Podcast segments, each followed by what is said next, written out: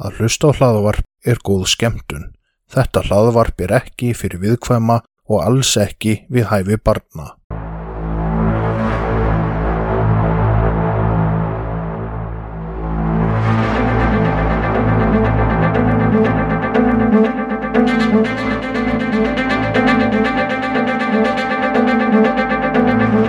Þetta hlaðvarp er hluti af IK Network.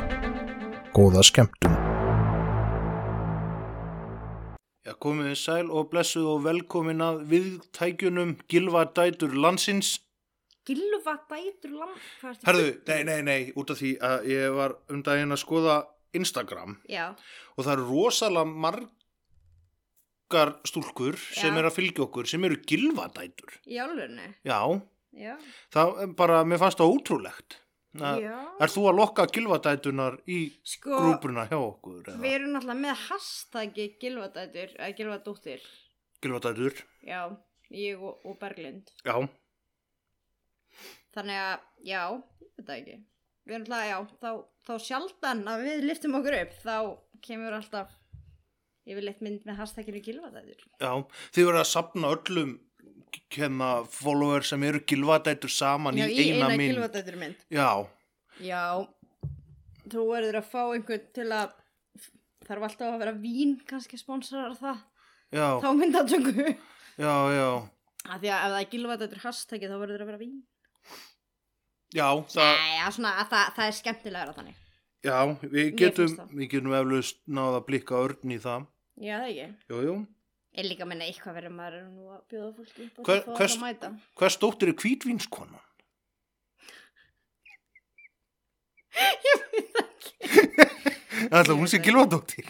Ég veit það ekki Getur fengið hana í partíð með ykkur? Annars geti þú náttúrulega alltaf verið kvítinskonan sko Nei, Nei, ég geti það ekki. en það ekki Jú, ég geti náttúrulega, jú, hann getur náttúrulega alltaf tvíbóka sig og ég farið annar staðinn og, já. Þið er- alveg eins Já, nákvæm. Þið eru alveg eins Það var kostning um þetta á Instagram Já, Þið eru tvífarar og ekki lígur Instagram. Ekki líkur Instagram, Benni. Það er allt satt á Instagram. Mhm. Ekkert fake, það er ekkert fixað, no filter, bara raunveruleikin á Insta. Já, hann tala um það, fylgið okkur á Insta. Það kemur ímis skemmtilegt, við vorum um þetta af, af live flippi áður við íttum á upptökutakan. Og, og þar kemur alls konar fróðleikur um málin, myndir og svoleiðis og alls konar flip og þú varst að lemja mig hérna í upptökuna á ég, þann og ég, ég aðeins bara svona, svona sló létt í andlitaður. Þú landir mig með síma um daginn í andlitið og byrtir á Instagram. já, það var bara fyndið. Og þú landir sko pappaðinn í andlitið með Það síma. var og ennþá það betra. Instagram. það var að betra. þú ert ekkert fórnalamp hér sko. Jú, ég Nei. er, ég er fórnalambið. Nei. Jú. Kona mín heldur fram hjá mér og síðan er ég lamin. Herru, uh, sko það er títólk. Viltu fá spurningu dagsins eða ef við bara láta spurningana ráðast á eftir? Herðu, nei, það var ein manneskja hana sem að átt að fá shoutout í þættinum Já, fyrir að vera ógæðslega duglega að followa okkur og var bara fyrst mætt á live já, streamið þitt en við lofuðum viðkomandi að hún fengi að eiga spurningu í TikTok og fengi fyrstu spurningu í TikTok já. Var spurningi komin eða? Uh, nei, ég er með síman í hlæðslu út af því að dreina svo mikið batteri að detta svona live á Instagram. Já, ok En þá er náttúrulega spurning í staðin fyrir spurningu dagsins það var náttúrulega bara TikTok og við kannski minnum á efaslun Já, hvað er sem að eðvislun? Efaslaun er internetverslun með rafgeima í rafmaksvöspur á geggjuðu verði. Á Facebook. Já, þeir eru með Facebook síðu, það er að panta þar, þar er hægt að sjá símanúmer og fleiri hæðum, en þeir eru með rafgeima í rafmaksvöspur á litlar 22.900 krónur og svo er einhver afsláttur meira sér núna, ég held að sé auka afsláttur á tilbúið fyrir fylgjendur hvað ætla sé að. Ú, Það sé, voru alltaf með tífast afslega það sé mér að segja bara einhver smá afsláttur ón á tilbúið ég þarf að tjekka því ok, ok, ok. Þannig að ef að þú þarft að vilt uh, nýta þér til búðið og átt vespu þarft að fara að endur nýja að þá er um að gera nýta þetta. með hendin að nagla þetta eitthvað fá nýtt batteri Já, eða, eða bara halda batterinu vel við í vetur. Ha, uh -huh. það er gott að halda sko það er betra að halda við batteri heldur en að halda við maka heldur að halda við maka nei, halda fram hjá maka já, já, já, það er viðhald á já, já, batterí heldur frekar en, já viðhald það, það, í er, hjónabandinu það er betra, já, betra að viðhalda batteri heldur en að vera með viðhald í jónabandinu en það var samt þegar við giftum okkur þá laði presturinn mikla áherslu að við myndum bæði sinna viðhaldi. Nei, hann Sinna laði viðhaldinu. aðalega á ég myndi sinna viðhaldinu. Nei, nei, að, já, bara fyrir ekki þú. að hjónaband væri já, Já, við- það þarf að sinna Það þarf að sinna viðhaldinu. og, viðhaldinu. já, það var nákvæmlega. viðhald kom nokkuð oft við sögu já, fyrir aðtöp sem var líka svo geðvið síðan þegar hann svona fattaði hvað hann búin að segja viðhald oft í brúðkaupi þegar hann svona misti andliti sjálfur og svona fór að hlæja að því. Já, þetta var geðvið brúðkaup. Hann er, já, hann, hann er indislegur já, líka, líka svo skemmtilega nafn Sera Dagur. Já. en líka, sko, hann lítur náttúrulega eins og Jésu það er eiginlega, besta við þetta sko. já, hann er eins og Jésu bara, Mhm. það er, já herðu, ok, okay. meiri segja sko hann er með kirkjukastið. Já, hann er með podcast kirkjukastið, hann er líka á TikTok. Já, það er reyndar ógeðslega að finna hann er, hann, er að breyta vatn í vín á TikTok og svona. Já, hann, hann er sko, þetta er nefnilega ekkert svona vennulegu prestur, hann er uh, undir þrítugt. Eini svali prestur á Íslandi. Já, í raun og veru. Og, og eins og segja, hann er á TikTok að gera svona fyndin kirkjuvídeó og þetta er náttúrulega bara algjör snillingur Já, tjekkið á kirkjukastinu og, og hvað heitir TikTokið? uh, Örglega eitthvað sunnundagarskólin eða eitthvað. Já, það er örugglega að finna það bara að maður finnur Já, Finnur eða þið finnið sér að dag. Herðu, hérna mm, já, þú ert með eitthvað mál er það ekki? Herði, jú, ég er með mál. Ok, En hérna, við ætlum að tala um Fredrik Legg sem að fættist árið 1937 og var alin upp í Buffalo í New York fylki. Hann varð í rauninni svona uppalandi eða hálgerð móðir sjálfur þegar hann var áttura gamall en þá skildi móðir hans og giftist aftur og hann fjakk bara það hlutverk að hugsa um nýtt barn sem hann eignaðist. Sem að hann eignaði Nei, hún. Þess að hann er áttura, Já, þá ski, er mamma sem að skilja og giftast aftur og Ok. eignast nýtt barn, ok annar barn. Já, Og hann fær bara barn í hendunar og það hlutverk að hugsa algjörlega um það. Þannig að hann er bara eiginlega orðið fóreldri sjálfur áttara. ok En það var náttúrulega ekkert óalgengt heldur á þessum tíma að uh, sískinni var að passa yngri sískinni sín Nei, heldur. það var ekkert að passa, hann bara, hann bara fekk barn í hendunar til að hugsa algjörlega um. Já, en það var samt eða ekkert óalgengt heldur þá Já, ég. áttur að börn verið bara, hann var bara fóreldri þessa bats, bara einu uppalandin. Eh, Var það samt þannig? eða? Já, það, já, það er, er talað um að það hafi verið þannig. Ok, En ég veit ekki. En allavega, þá var fyrsta svona launaða starfið hans var að gera svona glugga útstillingar í verslun í Buffalo. ok Bara svona klæða gínur og setja einhverja hluti veist. mm, mm. En hann hóf nám í Parsons School of Design þar sem hann lærði hönnun og árið 1960 var hann partur af síningu sem að þetta var svona eftirhermisýning sem héti Pearl Box Review sem var þetta var svona live síning og þar var hann að sagt, herma eftir konu. Já. Ok, og í kjölfarið fór hann að taka hormóna fekk samsagt silikon í græslu og í rauninni sleit öll samskipti við fjölskyldu sína. Ok. Þannig að þarna í rauninni er upphafið að því að Fredrik Legg verður þekktur sem Dorian Corey. Ok, sem var svona rosalega frækt og stórt nafn í drag heimi í New York. Á, ok, hann fór ekki í kynskipti eða fyrir ekki kynleiðréttingu Nei, hann var sko dragdrottning í Já, rauninni já, ok En já, þannig að í kringum 1970 þá er Dorian Corey orðin bara rosalega svona þekkt í þessum heimi. Uh, hún var oft í rosalega svona mikilfenglegum búningum. Hún var oft í sko mörgum búningum yfir hvern annan og hún, þess að þetta var rosalega mikil vinnalöðu þetta hjá henni, þetta var rosa sjó sem hún var að gera og hún var alveg af líf og sál í þessu. En hún sem sagt stopnaði líka sko, ok, þetta er, þetta er pínu flókið en þetta er þetta er svona lingo í kringum þannan heim, þetta var kallað ból og ból scenes. Þetta var svona það voru svona dragsýningar.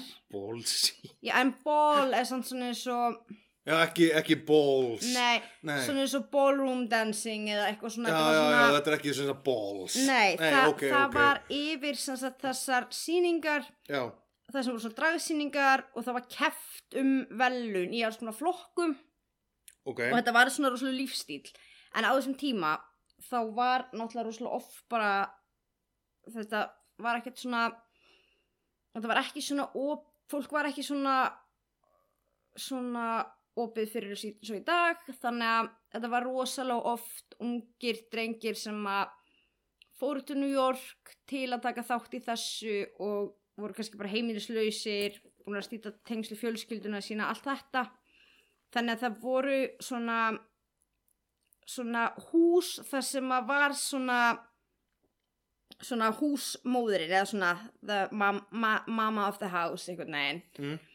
En Dorian Corey var opnaði sitt eigið svona hús sem hétt The Watching House of Corey. Og Við höfum farið á svona dragsýningu já, við höfum reyndar fara á svakalega dragsýningu. Já að, hérna, Þar sem að, að var verið, að gera Lion King Það var Lion King sýning, já. Já. Lion King leikrit, Já, já, það var ógeðslega flott þeim. það var enda geggjað sko Já, það var, það, ég held að ég við sjaldan sé neitt sem að jafn mikið vinna lögð í. Miða við að við vorum bara eitthvað röldinu á kanari og duttum inn á pub, sko, Já, í júmbúðunum í júmbóinu.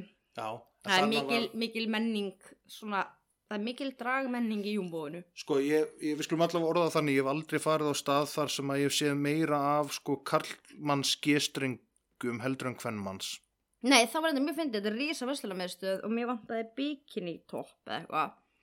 Og við gátum ekki fundið neitt, það var bara alls konar gestrengar og eitthvað svona skílur fyrir kallmann. mm og það var svona eins og eins og svona push-up brjóstaldra fyrir konur nema þú veist í skílunum þau voru með svona push-up og svona fyllingu, svona púðumi og alls konar svona Já. kallmannsinn skilur og það var náttúrulega líka í júmbóinu er náttúrulega um, gufubað fyrir samkynnaða kallmenn og það Við er vitum svona allir að það er ekki bara að vera að fara í gufuna sko. Nei, og það er svona svona svona, hva, hva, svona, svona date spots eða svona date bars þú veist Mhm. það sem að pick-up bars já, það Já. sem að, er sérstaklega svona fyrir samkynnaða kallmenn Sko, Júmbúið er svona gay-friendly staður.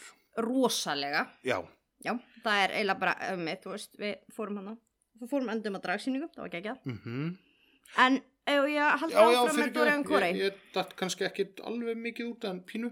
Ok, en hérna hún opnaði sem sagt svona var, var í rauninni svona húsmóðurinn í The Watching House of Corey. Og þar í rauninni tók hún inn þá sem að svona voru partur af þessu samfélagi. Og þetta var náttúrulega svona neðanjarðar samfélag í New York því þetta var náttúrulega ekki samþykkt á þeim tíma. Nei, jafnvel það, ekki löglegt. Sko það hlýtur að hafa verið skelvilegt að vera á þessum stað á þeim tíma. Sko þetta byrjaði, þetta er svona underground drag samfélag í New York byrjaði kringu 1920 og þá var ólöglegt að klæðast kvennmannsfötum eða þú varst kallmaður og Mhm. kallmannsfötum eða þú varst kona en veist, þetta komi eitthvað lengra þarna en þetta var samt það var, já, það var auðvitað fyrir miklu aðkasti og fleira Já, en bara sem betur fyrir er þetta orðið opnar á og við erum að tala um það hérna á uppinbyrju vekkfangi því að við duttuðan inn á þessa dragsýningu Mhm. og svoleiðis að, og þetta sé svona út af eins og þarna að, að uh, þurfa að vera þú sjálfur í felum það hlýtur að vera skelfilegt Já. að geta bara ekki verið eins og þú vilt vera Mhm. Já, það hlýtur að vera og eins og sér það þarna, ég minna hún þurfti að fara frá allri fjölskyldunni sinni og þeir ráku svona hús og það til dæmis Dorian Corey ein af þeim sem að hún tók inn og var svona húsmóður fyrir og svona húsmóður er bara skaffuð þeim stað að búa á og voru svona mentorar eiginlega. Mm, og ein af þeim sem að voru hjá henni var fór síðan og opnaði sitt eigið svona hús sem var mjög stórt en hún hétt Angie Extravaganza. Og hún var síðan húsmaðurinn í House of Extravaganza. Þú slátraður þessu nafni. Extravaganza, já, það er sagt svona ok, Extravaganza, ok. Ok. Um, já, en sem sagt það hérna það var svolítið þannig og til dæmis var ein önnur dráður hérna sem að hétt uh, Venus, Venus og hún tók upp Venus Extravaganza af því að hún er mitt fór frá allir fjölskyldinu og flutti þang þetta var rosalega svona það stóður rosalega þjætt saman að því þær höfðu engan annan mm, mynduðu bara svona sínar eigin litlu fjölskyldur í þessum húsum. Mm en oft var svona reglan þannig að þú þurftir að keppa á síningu, vinna ykkur velun eitthvað að komast inn í húsið. Oft var það þannig, en svo voru alveg einhverjir sem voru líka bara taknir inn af því að þeir þurftu að þau halda. Já, en Dorian Corey var rosalega stór í þessu samfélagi. Og hún til dæmis var búin að vinna yfir 50 svona stór velun á svona dragsýningum. Ok. Hún kom fram líka á viðburði sem hétt Vigstock Vigstock já, Já, ekki. Woodstock heldur já, Vigstock já, já, já, ok og ok, hún var líka aðal manneskjan í heimildamynd sem var gerð um þetta samfélag sem hétt Pari, Paris is Burning og kom út árið 1990 ok. Og ég var til dæmis búin að horfa á megna þessari mynd, hún, það er að horfa á YouTube. Ok. Er hún áhugaverð eða? Þetta er svolítið svona sassy drag queen drama einhvern veginn en Dorian Corey er bara svo áhugaverð fyrir einstaklingur þannig að ok, en hún kemur út 1990 já, þá kemur þessi mynd út en hvernig er hún að tala um sko því að það sem að ég er að velta fyrir mig og það sem að er að vekja minn svolítið áhuga er, er hún eitthvað að tala um hvernig er að lífið sem svona utangars manneski þetta er náttúrulega svona daldið mikið jaðar á samfélaginu þá. Já, og það er alveg verið að tala um þessu í myndinni eins og það er, það er ein manneski í myndinni sem segir, þú veist mér var kent að þú fengir svona þrjá sjansa í lífinu. Mm, en ég var búið með tvo því ég fættist ég var svartur, kallmaður en svo er ég líka hommi. Já, þannig að þú veist það er bara sjansin er búin og þeir eru svona svolítið að tala um það veist, það er til dæmis voru með ákveðin nafn fyrir svona hálgerða einhyrninga sem að voru þeir sem gátu verið í drægi og farið út og meðal fólks í dagspyrtu án þess að það fattaðist. Já ok, og það, þú veist, og því það var bara svona fyrirbæri skilur, það, það var einn og einn sem gat það. Mm, þú veist, án þess að vera bara lamin út götu. Já. Þannig að þau þurftu náttúrulega rosa mikið að fela hvernig þau væru. Já, já, eins og sem ég finnst það svo samt svo gott að, að, að upplifa þetta en geta samt á þessum tíma verið að gera þetta. Þótt þú eigir á hættu að vera lamin með bara út af því að þú ert að vera þú sjálfur ykkur já, það út af því að þið langar að gera þetta. Mm -hmm. þannig að mér, mér finnst það magnað sko. En já, meiri segja hún var setna varð hún reglulegur sem sagt svona hún kom reglulega fram setna mér að segja á Sallys hjá hérna Times Square sem sagt stað Já, þar ok. og hérna þannig að þetta var ekki alltaf alveg bara svona underground en Nei. hún já, var sem sagt þannig mjög fræg og kom út þessi heimildamynd um hana 1990 en Corey Dorian Corey lést árið 1993 og hún lést úr sagt fylgikvillum alnæmis og malnæmi Ok. Sem var heldur ekki óalgengt á þessum tíma. Nei, því miður. En í rauninni það sem gerist eftir að hún dó er svolítið það sem að hún verður svolítið svona þekkt fyrir. En þegar að hún lá í veikindunum sínum þá var sagt önnur dragdráttning vin, vinkonunar sem að var að hugsa um hana sem heit Louis Taylor. Lois Taylor bara var henni til staðar fyrir hana allt þar til hún dó og Dorian Corey hafði Corey hafði lofað henni að hún mátti eiga hvað sem hún vildi úr skápnum hennar. Hún átti alltaf ógeðslega mikið af búningum og flottum hlutum. Og svo átti hún bara að selja restina eða eitthvað. En þarna 1993 fyrir Rakkjavöku þá fer Sassa Lois Taylor að huga að einhverjum búning og ákveður að kíkja í skápin hennar Dorian Corey og hún fór í gegnum skápin hennar sem var sér satt í íbúðun hennar. Og hún bjó í hund- 140th Street in Manhattan í, á Manhattan. En það var sem sagt sko hún fer í gegnum skápin og innst inn í skápinum þetta er einhvern veginn svona stór skápur þú veist, svona walk-in hvað heitir þetta á íslensku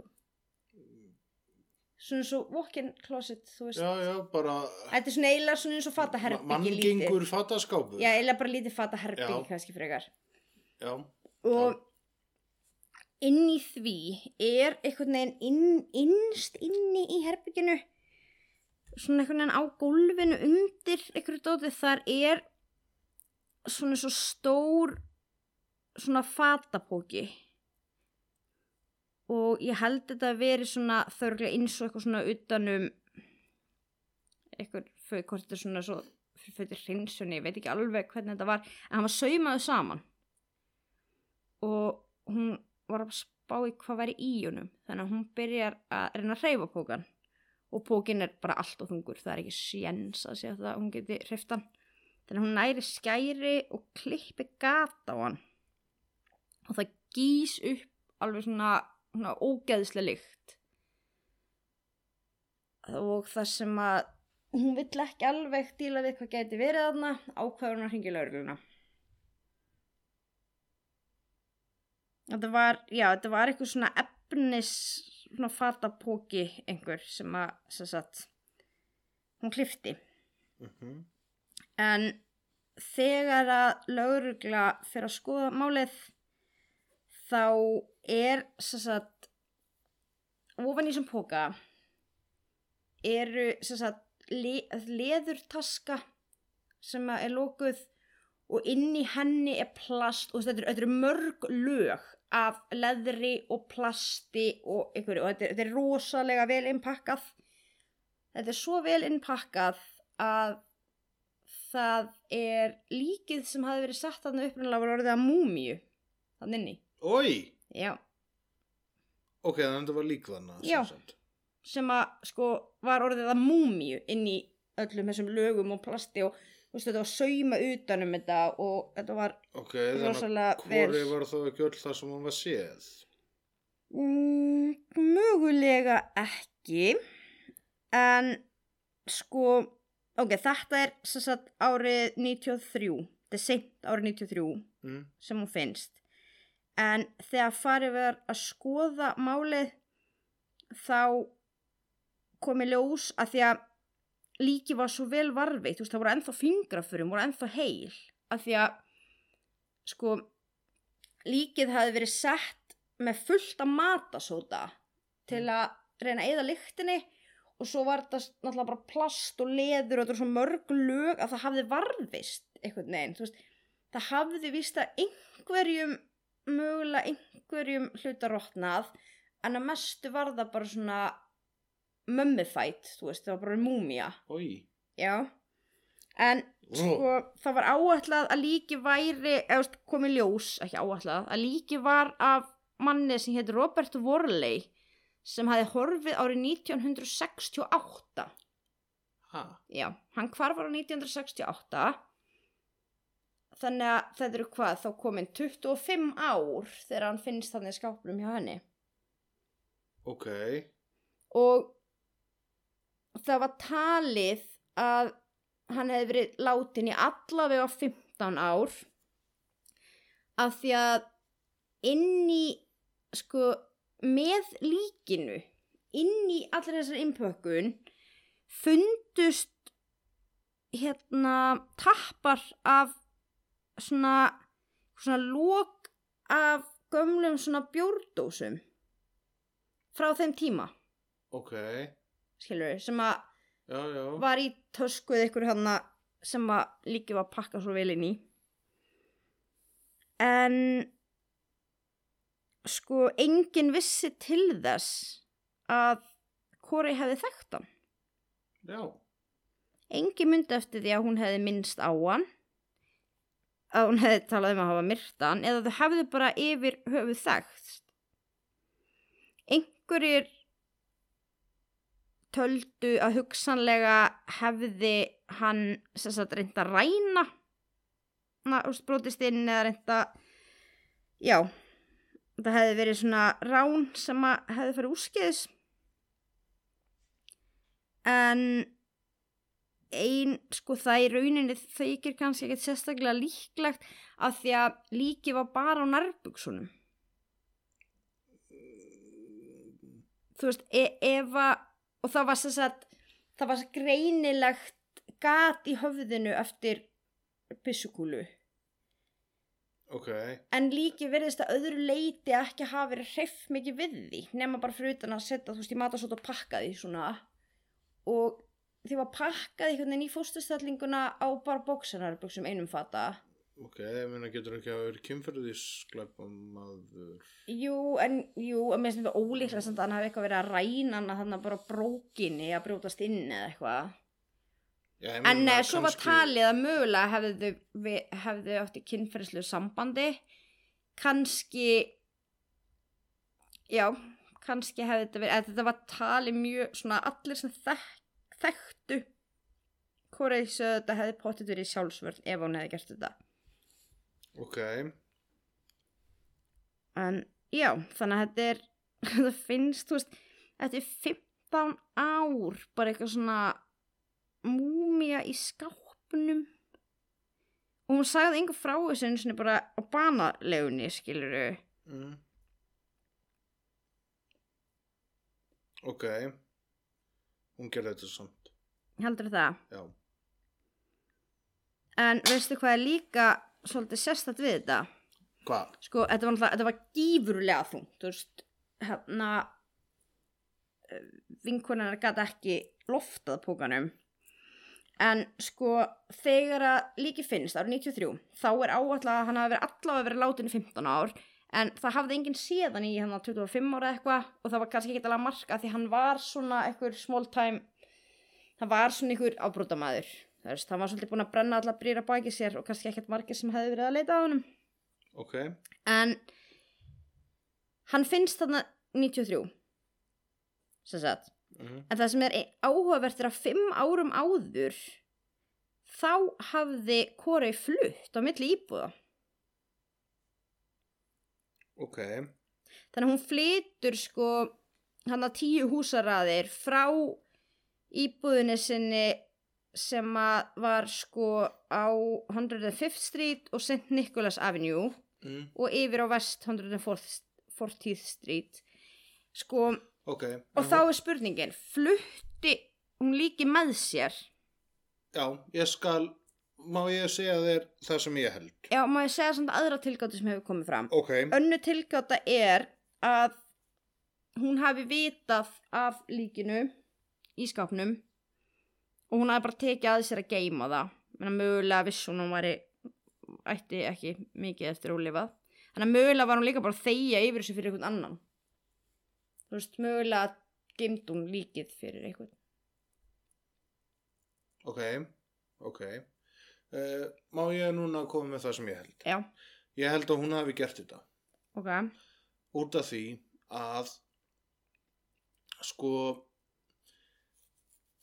því að þegar þú náttúrulega tekur við svona íbúð var náttúrulega eru þar tómar. Þannig að ef hún var að flytja inn það hefði náttúrulega séð hann eða séð þetta póka já, en en ef að hún hlýtur að hafa þá komið með hann og er að fela hann sjálf út af því að þetta er eitthvað sem hún gerði. Ekki nema hún hafi ákveðið að einhver sem bjó í íbúðinu undan henni sem hún þekkti að hún hefði tekið við íbúðinu vitandi að þetta væri en, hana en þá var það samt svo auðvelt bara að fi- finna leigusalan undan og, og segja bara hei, varst þú að gera þetta?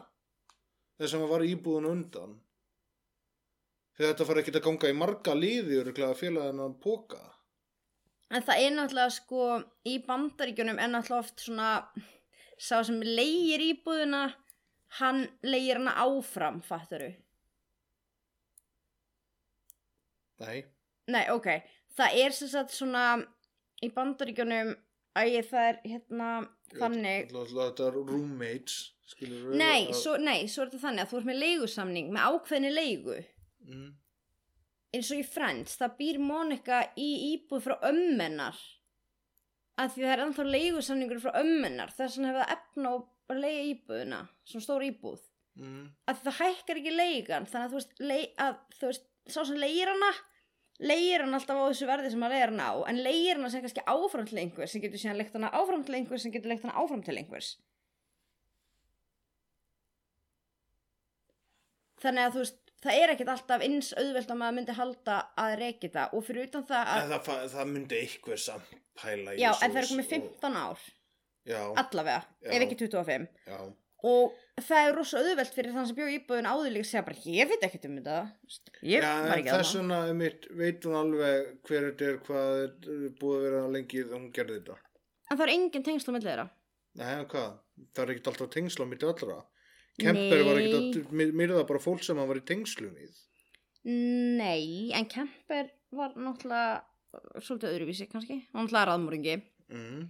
en við erum að tala um samt sko mannesku sem passar ekki inn í inn í svona það. Reyndar, þá náttúrulega var Kemper svolítið hrifin að geimi í skápnum sínum líka. Mm. það var svona Kemper aðferðin Já, En nei, ég nefnilega veit ekki. En ég held að mögulega hefði það getur verið sjálfsvörn og Já það, það hefur verið eitthvað þannig. Skilur ég er ekki að segja hann hafi bara farið á eða, eða hann komið á dragsýningu veist- og vilja En þetta er Og- manneskja með enga sögu aldrei komast í, þú veist, kastu löðabróti af sér aldrei meitt neitt, aldrei skada neitt, já, aldrei já, neitt það þýðir ekki hann hafi ekki brotið af sér. Nei, en ein, ak, úst, ein ástæðan fyrir akkur ég held til dæmis að hún hafi myrt hann í sjálfsvörn og hafi ákveða að ganga svona frá líkinu er að þú veist, í Manhattan það er ekkit auðvelt að vera að burðast með lík kannski þannig Nei, og það sem ég, ég held var náttúrulega líka það á þessum tíma þá alveg sama þótt að hafa verið sjálfsvörn hversu líklegt er að löguruglan hafi lagt mikið tröst í hennar orð þannig já, já, sko ég er ekki, ég er ekki að segja Nei, nei, nei, að, en- hafi verið eitthvað planað. nei, en Eh, pælingin er hvort að hún hafi losað sig við líkið sem að hún hafi myrt, hann í sjálfsvörn en í staðin fyrir að tala við lauruglu að þá hafi hún losað sig við líkið á þannig hátt að því að svartur kallmaður sem er dragdrottning hversu líklegt er hún að fengja sangjarna málsmeðferð Mm. á þessum tíma Já, já, en það er líka þessuna sem ég held að og þessuna líka einmitt, ef að ef þetta hefði verið eitthvað hefður ekki vita þessi vinkona sem að væri að með þér hérna bara restinni myndur ekki þá svona, herðu smá heads up, þetta er hérna var íbúðinu þegar ég flutti inn hérna lík sem er þarna skilur, en er hún ekki bara þegja, bara svona, ok, ég er fullkomin glæpur, ég er að fara að deyja og þetta bara deyr með mér. mm, það getur verið Það er líka það sem að, en eins og segi, ég er ekkert eitthvað að þetta hafi verið planað eða eitthvað, sjálfsvörn eða, eins og segi, eða brotist inn eða, vattaru, en, en hún veit hvað gerðist fyrir þennan einstakling alveg upp á hár og hún veit alveg af hverju hann er þarna og af hverju hún gekk svona frá því. Þa, það er það sem ég held. Gæti verið sko. Hérna en mér finnst hann svolítið gaman að pæla í þessu sko að því að þetta verður svo mikið mál eftir að hún deyr. Að því að sem sagt, ef við spilum kannski bara svona kvót frá Dorian Corey úr Paris' Burning. Ok, Everybody wants to leave something behind them, some impression, some mark upon the world. já, Þetta var reynda tekið úr sko það sem er að tala um að langa að vera fræg eitthvað svona eftir því sem voru eldri þá seturu takmarkið aðeins neðar og, og þetta þú veist allir vilja skilja eitthvað eftir sig og svona en mér þetta bara svo fyndi að hugsa um þetta því að hún skildi klárlega eitthvað eftir sig. Já, já, já, já, já. alveg já. E e eitt lík. já. Mm en já mér fannst þetta þetta máli er alltaf svolítið bara búið þarna í rauninni Ok, og það hefur ekkert upplýst. Nei, veit engin neitt um þetta í rauninni, sko. Ok, Þannig að þetta er, þetta er svolítið magnað. já, Líka bara hvernig var það líkni öll þessi ár. Og þú veist, hversu mikið snillingur hefur þessi einstaklingu verið að því aldrei hefði neitt sem hefur tekist að fela lík svona og gera það bara mömmi fæti í einhvernum skáp og engi fatta það. Ég meina, þú veist, bara, já, ok, þú veist, hún geymdi þetta með fötunum sínum, sko. já, Já, og enginn fatta það neitt. já. Það er bara einn fullkonni glæpur. Í rauninni, sko. Það er, já, ég held ég ennþá fram að, að hún hafi gert þetta. Já, þessi ekki líklega svona gert þetta og vitað að með alla þá fordóma og allt í bandaríkjum á þessum tíma og það er ennþá skiluru réttakerfi bandaríkjan er ennþá mjög skakt þegar kemur bara að sambandi við já þjóðerni eða uppruna og alls konar já, þannig að spurning, já, hún ætla kannski bara vita að hún ætti ekki sjans á sangkjarnri málsmeðferð nei, nákvæmlega. Hérna, það er eitthvað þannig, sko. já. Að vera í svona, en líka lendi fangelsi sem svartur samkynniður kallmaður sem er dragdrótning það er ekkert rosalega gleðilegt þannig sko. nei, Nei. að ég held að ég mitt líka það þess vegna bara þessir eru líka ástæðan fyrir því að, að hann faldi þetta svona Já. mikið en svo náttúrulega var líka að því það er annað mál líka Mastu, ég myndist á áðan uh, dragdrótningu hérna Venus extravaganza mm hún var líka í þessari bjómynd Paris is Burning.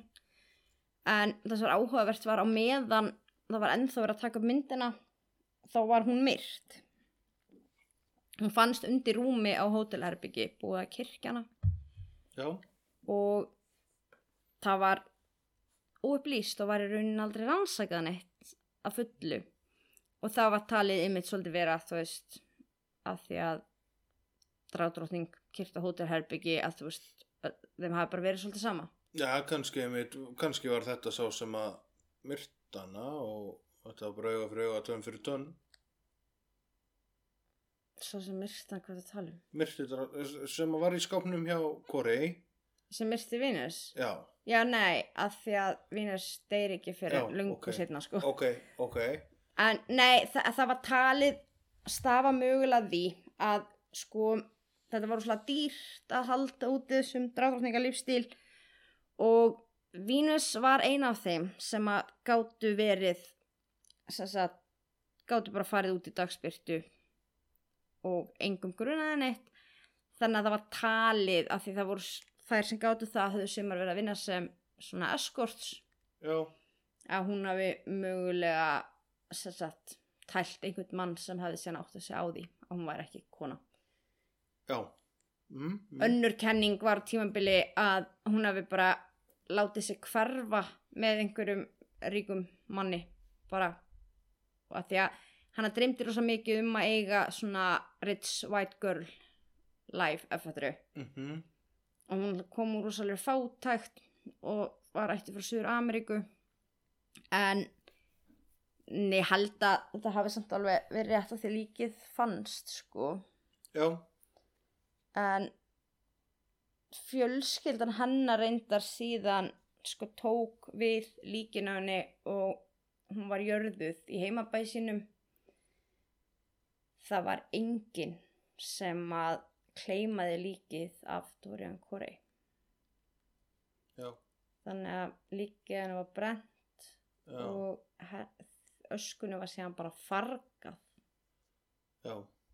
það er ógeðslega sorglegt en út af því að þú sagðir að þau, þetta var svona fjölskylda sem þau voru með, fattar í þessum húsum og annað.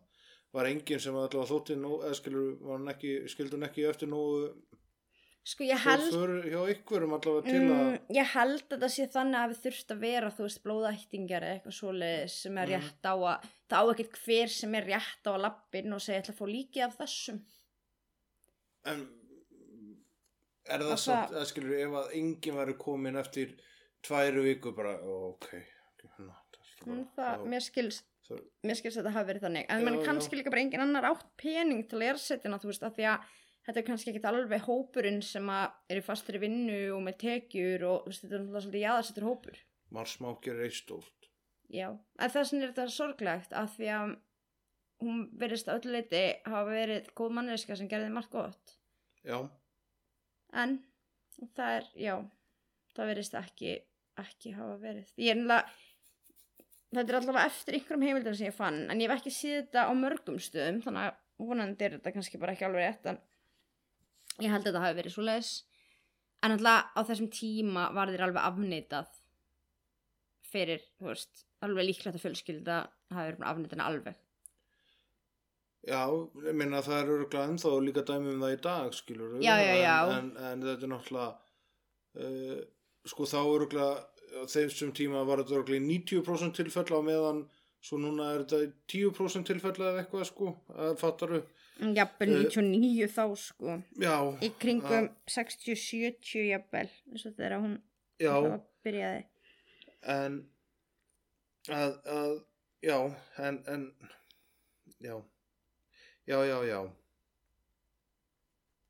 En eigum við þá að henda í fréttahotn? Ég er nefnilega með góða frétt í fréttahotni.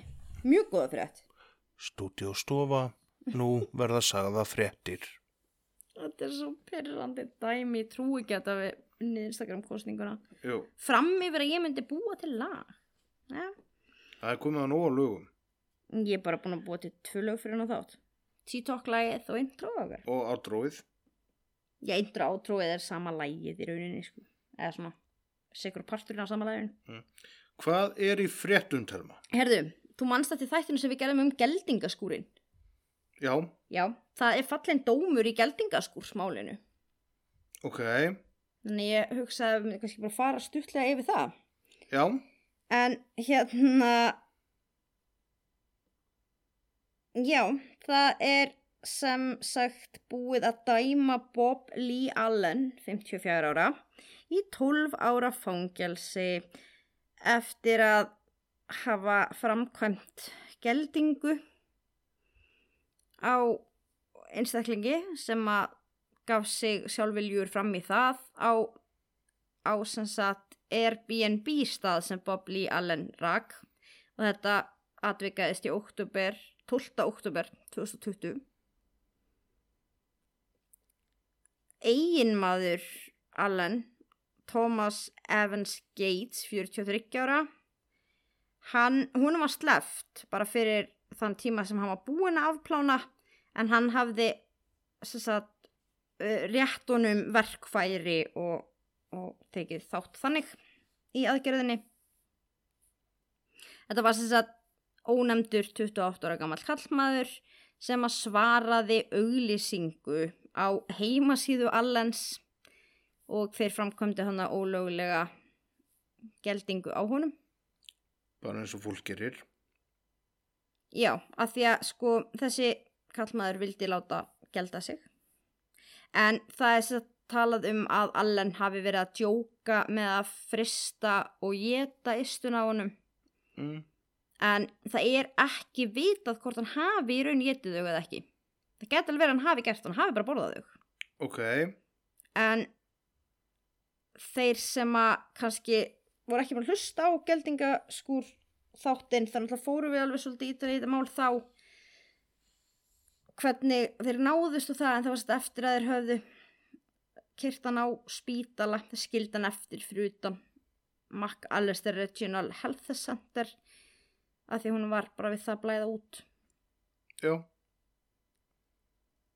En já, þetta sem sagt nýgifta parið var handtikið þannig stundu setna, en þeir satt heimsóttu hann sko á spítalan síðan.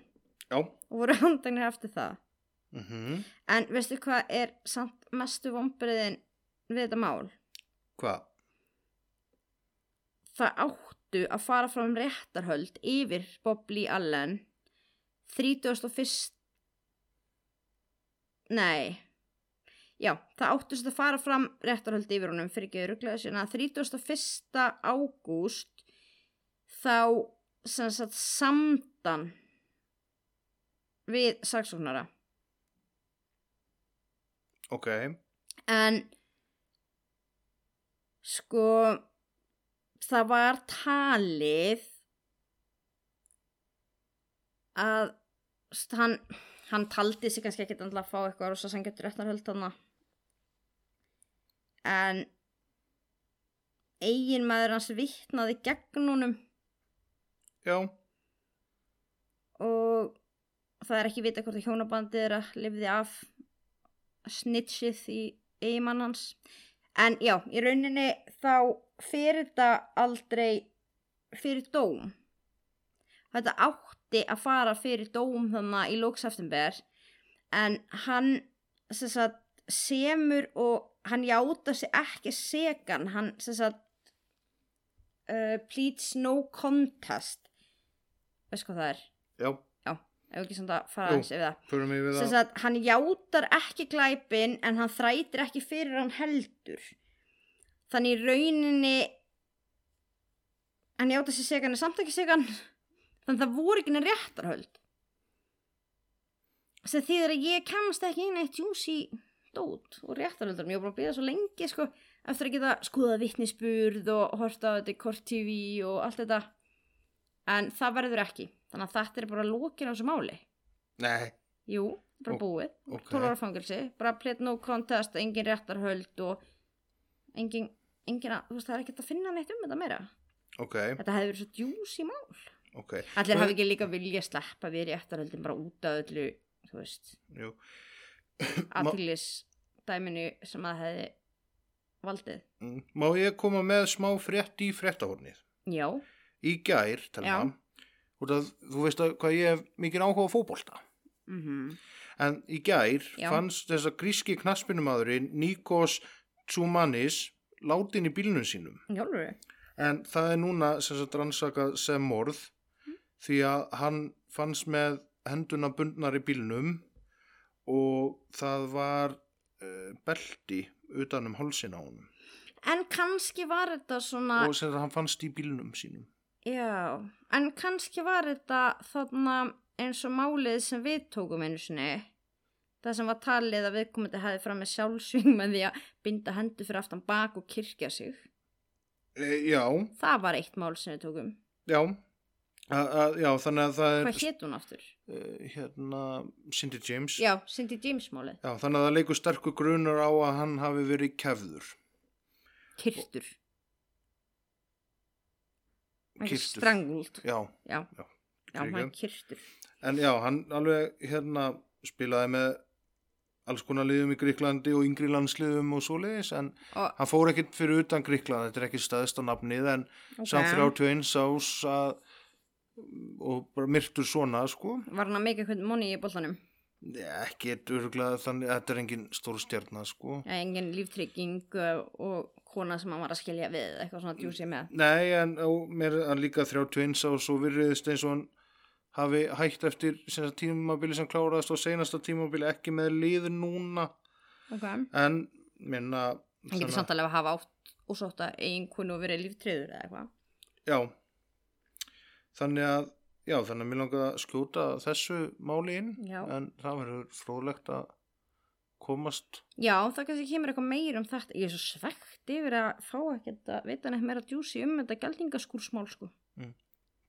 títólk Herði, já, þá hendum við í.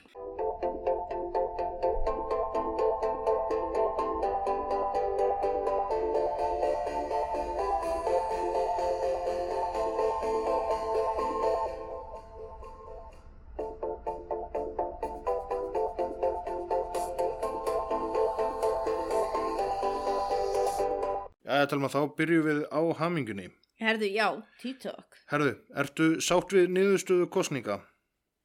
Nei. Ok ég er að Er það fyrsta spurningin? Það er fyrsta spurningin Frá hverjum? Frá þér? Nei, það, er sko, ekki spyrja svona. Ok, herðu, en allavega, það var samt búið að tala um að Gabriela ætti dips á fyrstu spurningu. Já, en unnvitað takit upp ógslag seint og það er tímamismunur og svona. Gabriel Þannig er að- Núri já, og... hún fær bara að eiga þetta þá inni af því við vorum, það var ekki komið spurning frá henni var það? Nei, Nei, ok, eh, hvað er uppáhaldsmálið þitt og morðingi skástrík ílverk? uppáhalds? Já, sko, ég ennlega hef haft óheilbriðan áhuga á Edmund Emil Kemper. The Third. Ha, Er það ekki Jú, Edmund Emil Ke- Third. Já, The Third. En já, ég sko, já, það er, það er eitthvað þar sem er bara svona, já, það ég held að það verði alltaf einhvern veginn, nummer eitt, ég er náttúrulega eitti mörgum vikum í COVID, Já, að researcha hann og, og skrifa alveg personu, áhrif að þetta er þroska, greiningu á bara þroskaferðlans og eitthvað, en ég held að, ég held að verði erfitt að topa það. ok, en er eitthvað svona uppáhaldsmál? sko fyrir utan utan málans campers þá væri ekki Ísrael kýs Já, það er enda Já. sturlað já, ég held að eða samt það er reyndar í miklu uppáhaldi eru tvö mál. Eitt af þessum málum sem var til þess að við gerðum þetta podcast en við áttum samt alltaf eftir að tala um hann. Mm. Illu er ekki búið að taka hann fyrir reyndar held ég núna. Andrea Tekatillo Akkur, nafnið byrju hver? Sovjetríkin Já, Ég er já, alltaf ógæslega mikið áhuga líka bara málum sem er ekki, ekki bara í bandaríkjunum. Þannig að hann og svo er mál sem að við eigum eftir að taka sem að er gerist í Pólandi já. En já, það kannski kemur bara núna fljótlega. Uh Birgit og Hugdal eða Jóhanna Guðrún? Af hverju? Sagt, Eh, vel- Hvað er verið að spyrja mig bara, hvor er meira, held ég hvort- meira upp á Já, heldur hvor, meira upp á. Það er ekki svona reyða að drepa giftast Nei, eða, bara svona hvort viltu eða eldur meira upp á Birgit og Hugdal eða Jóhanna Guðrúnu? herðu, ég geti sagt pass. Nei. Æ, þá er þetta bara eitthvað jafntefli, ég hérna uh, verð bara að viðkenna, ég bara er ekki eitthvað sérstakur fan af eitthvað svona íslenskri Æ, ég veit ekki, ég bara, ég, veist, ég veit ekki, ég hef ekkert eitthvað að hlusta þannig mikið á þær og ég veit ekki, það er bara jafntefli, ég get ekkert, ég hef enga fórsöndu til að velja milli. Ok Hvort er heitara gert eða mjálm? Hvort er heitara? Mm Ha? Heitara? Já, Hvort mér finnst heitt að hlusta gælt eða mjálm? já, skilur hvort er svona finnst þér skemmtilega Hvað að hlusta á gert eða, eða mjálm Ég er skemmtilega. Ok, ekki heitara. Já, heitara, það er örugglega skemmtilegra, fattaru? Já, ok, það er ekki svona eitthvað, hvað kveikir meira í þér? Nei ok, ég, ég myndi segja bara gælt, af því þá var það luskurum minn. Ok, bumba eða þvottabretti Bumba. Ok Hvort er heitara, Brynjar að skúra eða Brynjar að ríksuga? Sko, það var náttúrulega alltaf svona hálfgerð serimóni að hennar einu sinni þegar skúraðar alltaf bera ofan. Já, Já. En náttúrulega, en síðan eru liðin mörg ár. já, það hefur, já, það var, það var svona gott first impression og svo, svo dvínaði það út. En hérna, þú ryksugar náttúrulega einlega aldrei að við erum með ryksuguróbótin. Já. En ég ætla að segja að Brynjar að skúra. Ok, uh, pizza eða pulsa? Pizza. Ok, uh, er mikil pressa að elda kvöldmat þegar maður er giftur kokki? Nei.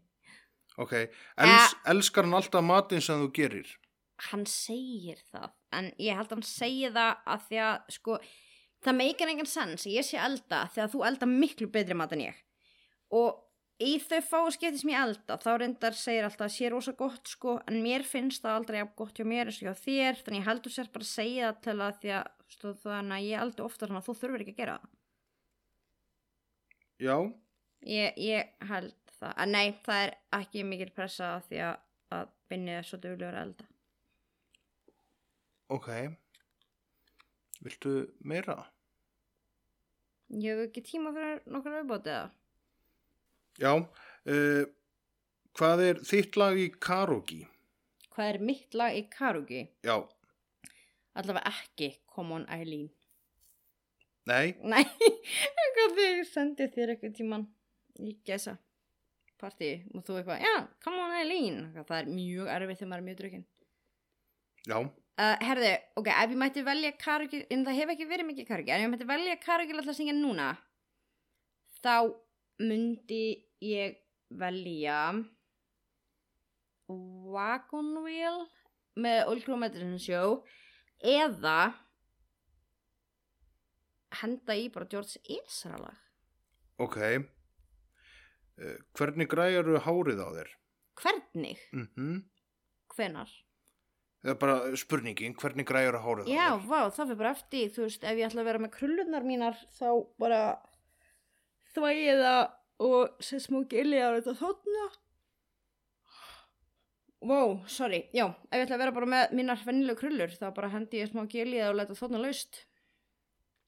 Um, já, rosa, náttúrulega svona go to vinnuhárum mitt núna er eiginlega bara svolítið tagl, sko. Þannig að, já, ef að svona enn að græja hárið því græja þá er það náttúrulega bara styrta og set næring í það og kristi það aðeins svona upp og set svo gel og það þarna. Þurka helst með stuttur á bólun ekki hanglaði ef ég hef miljón ár til að láta það þarna. Ok, uppáhalds fiskbúð? Uppáhalds fiskbúð. Já, Ég bara fylgifiskar. ok, ok.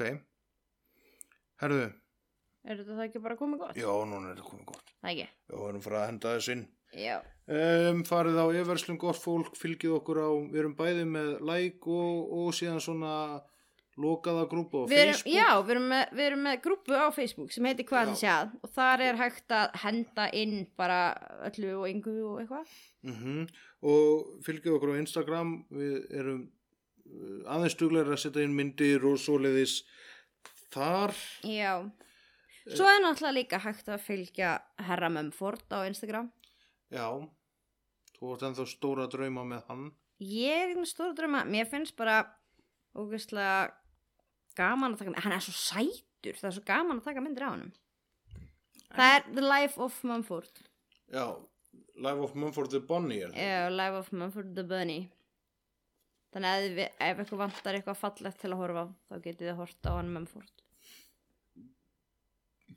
En svo náttúrulega líka alltaf hægt að sætta sig bara við að sjá eitthvað frá okkur á Instagraminu, hvað ætli séð Já, en þangað til í næstu viku, þá erum við hvað ætli séð. Herðu já, og það kom ekki út þáttur í síðustu viku að því við erum svolítið mikið rútinubreiting með nýju vinnuna mína og við veistum aðeins að finna út hvernig það myndi virka Já, og það var líka rosalega mikið að gera í vinnunni hjá mér í senustu viku. Það voru langir dagar. Já, og ný Og- vinna hjá mér en þetta er svona, við erum aðeins að við erum aðeins að finna út hvernig þetta myndi ganga. Þannig að þessna kom ekki þáttur í síðustu viku. Það var ekki for lack of trying. Nei, það einmitt bara, já, að þegar þú varst ekki upptekinn að þá var ég upptekinn og, og öfugt og, og þannig að búið, já, mikið. já, Það eru ykkur sem að eru búin að spurja þannig að þeir geta farið að fagna. já, þannig að núna er komið þáttur og vonandi er þetta ekki að fara að gerast aftur á næstunni. Nei, annars bara potið í okkur. já, takk fyrir okkur Bye!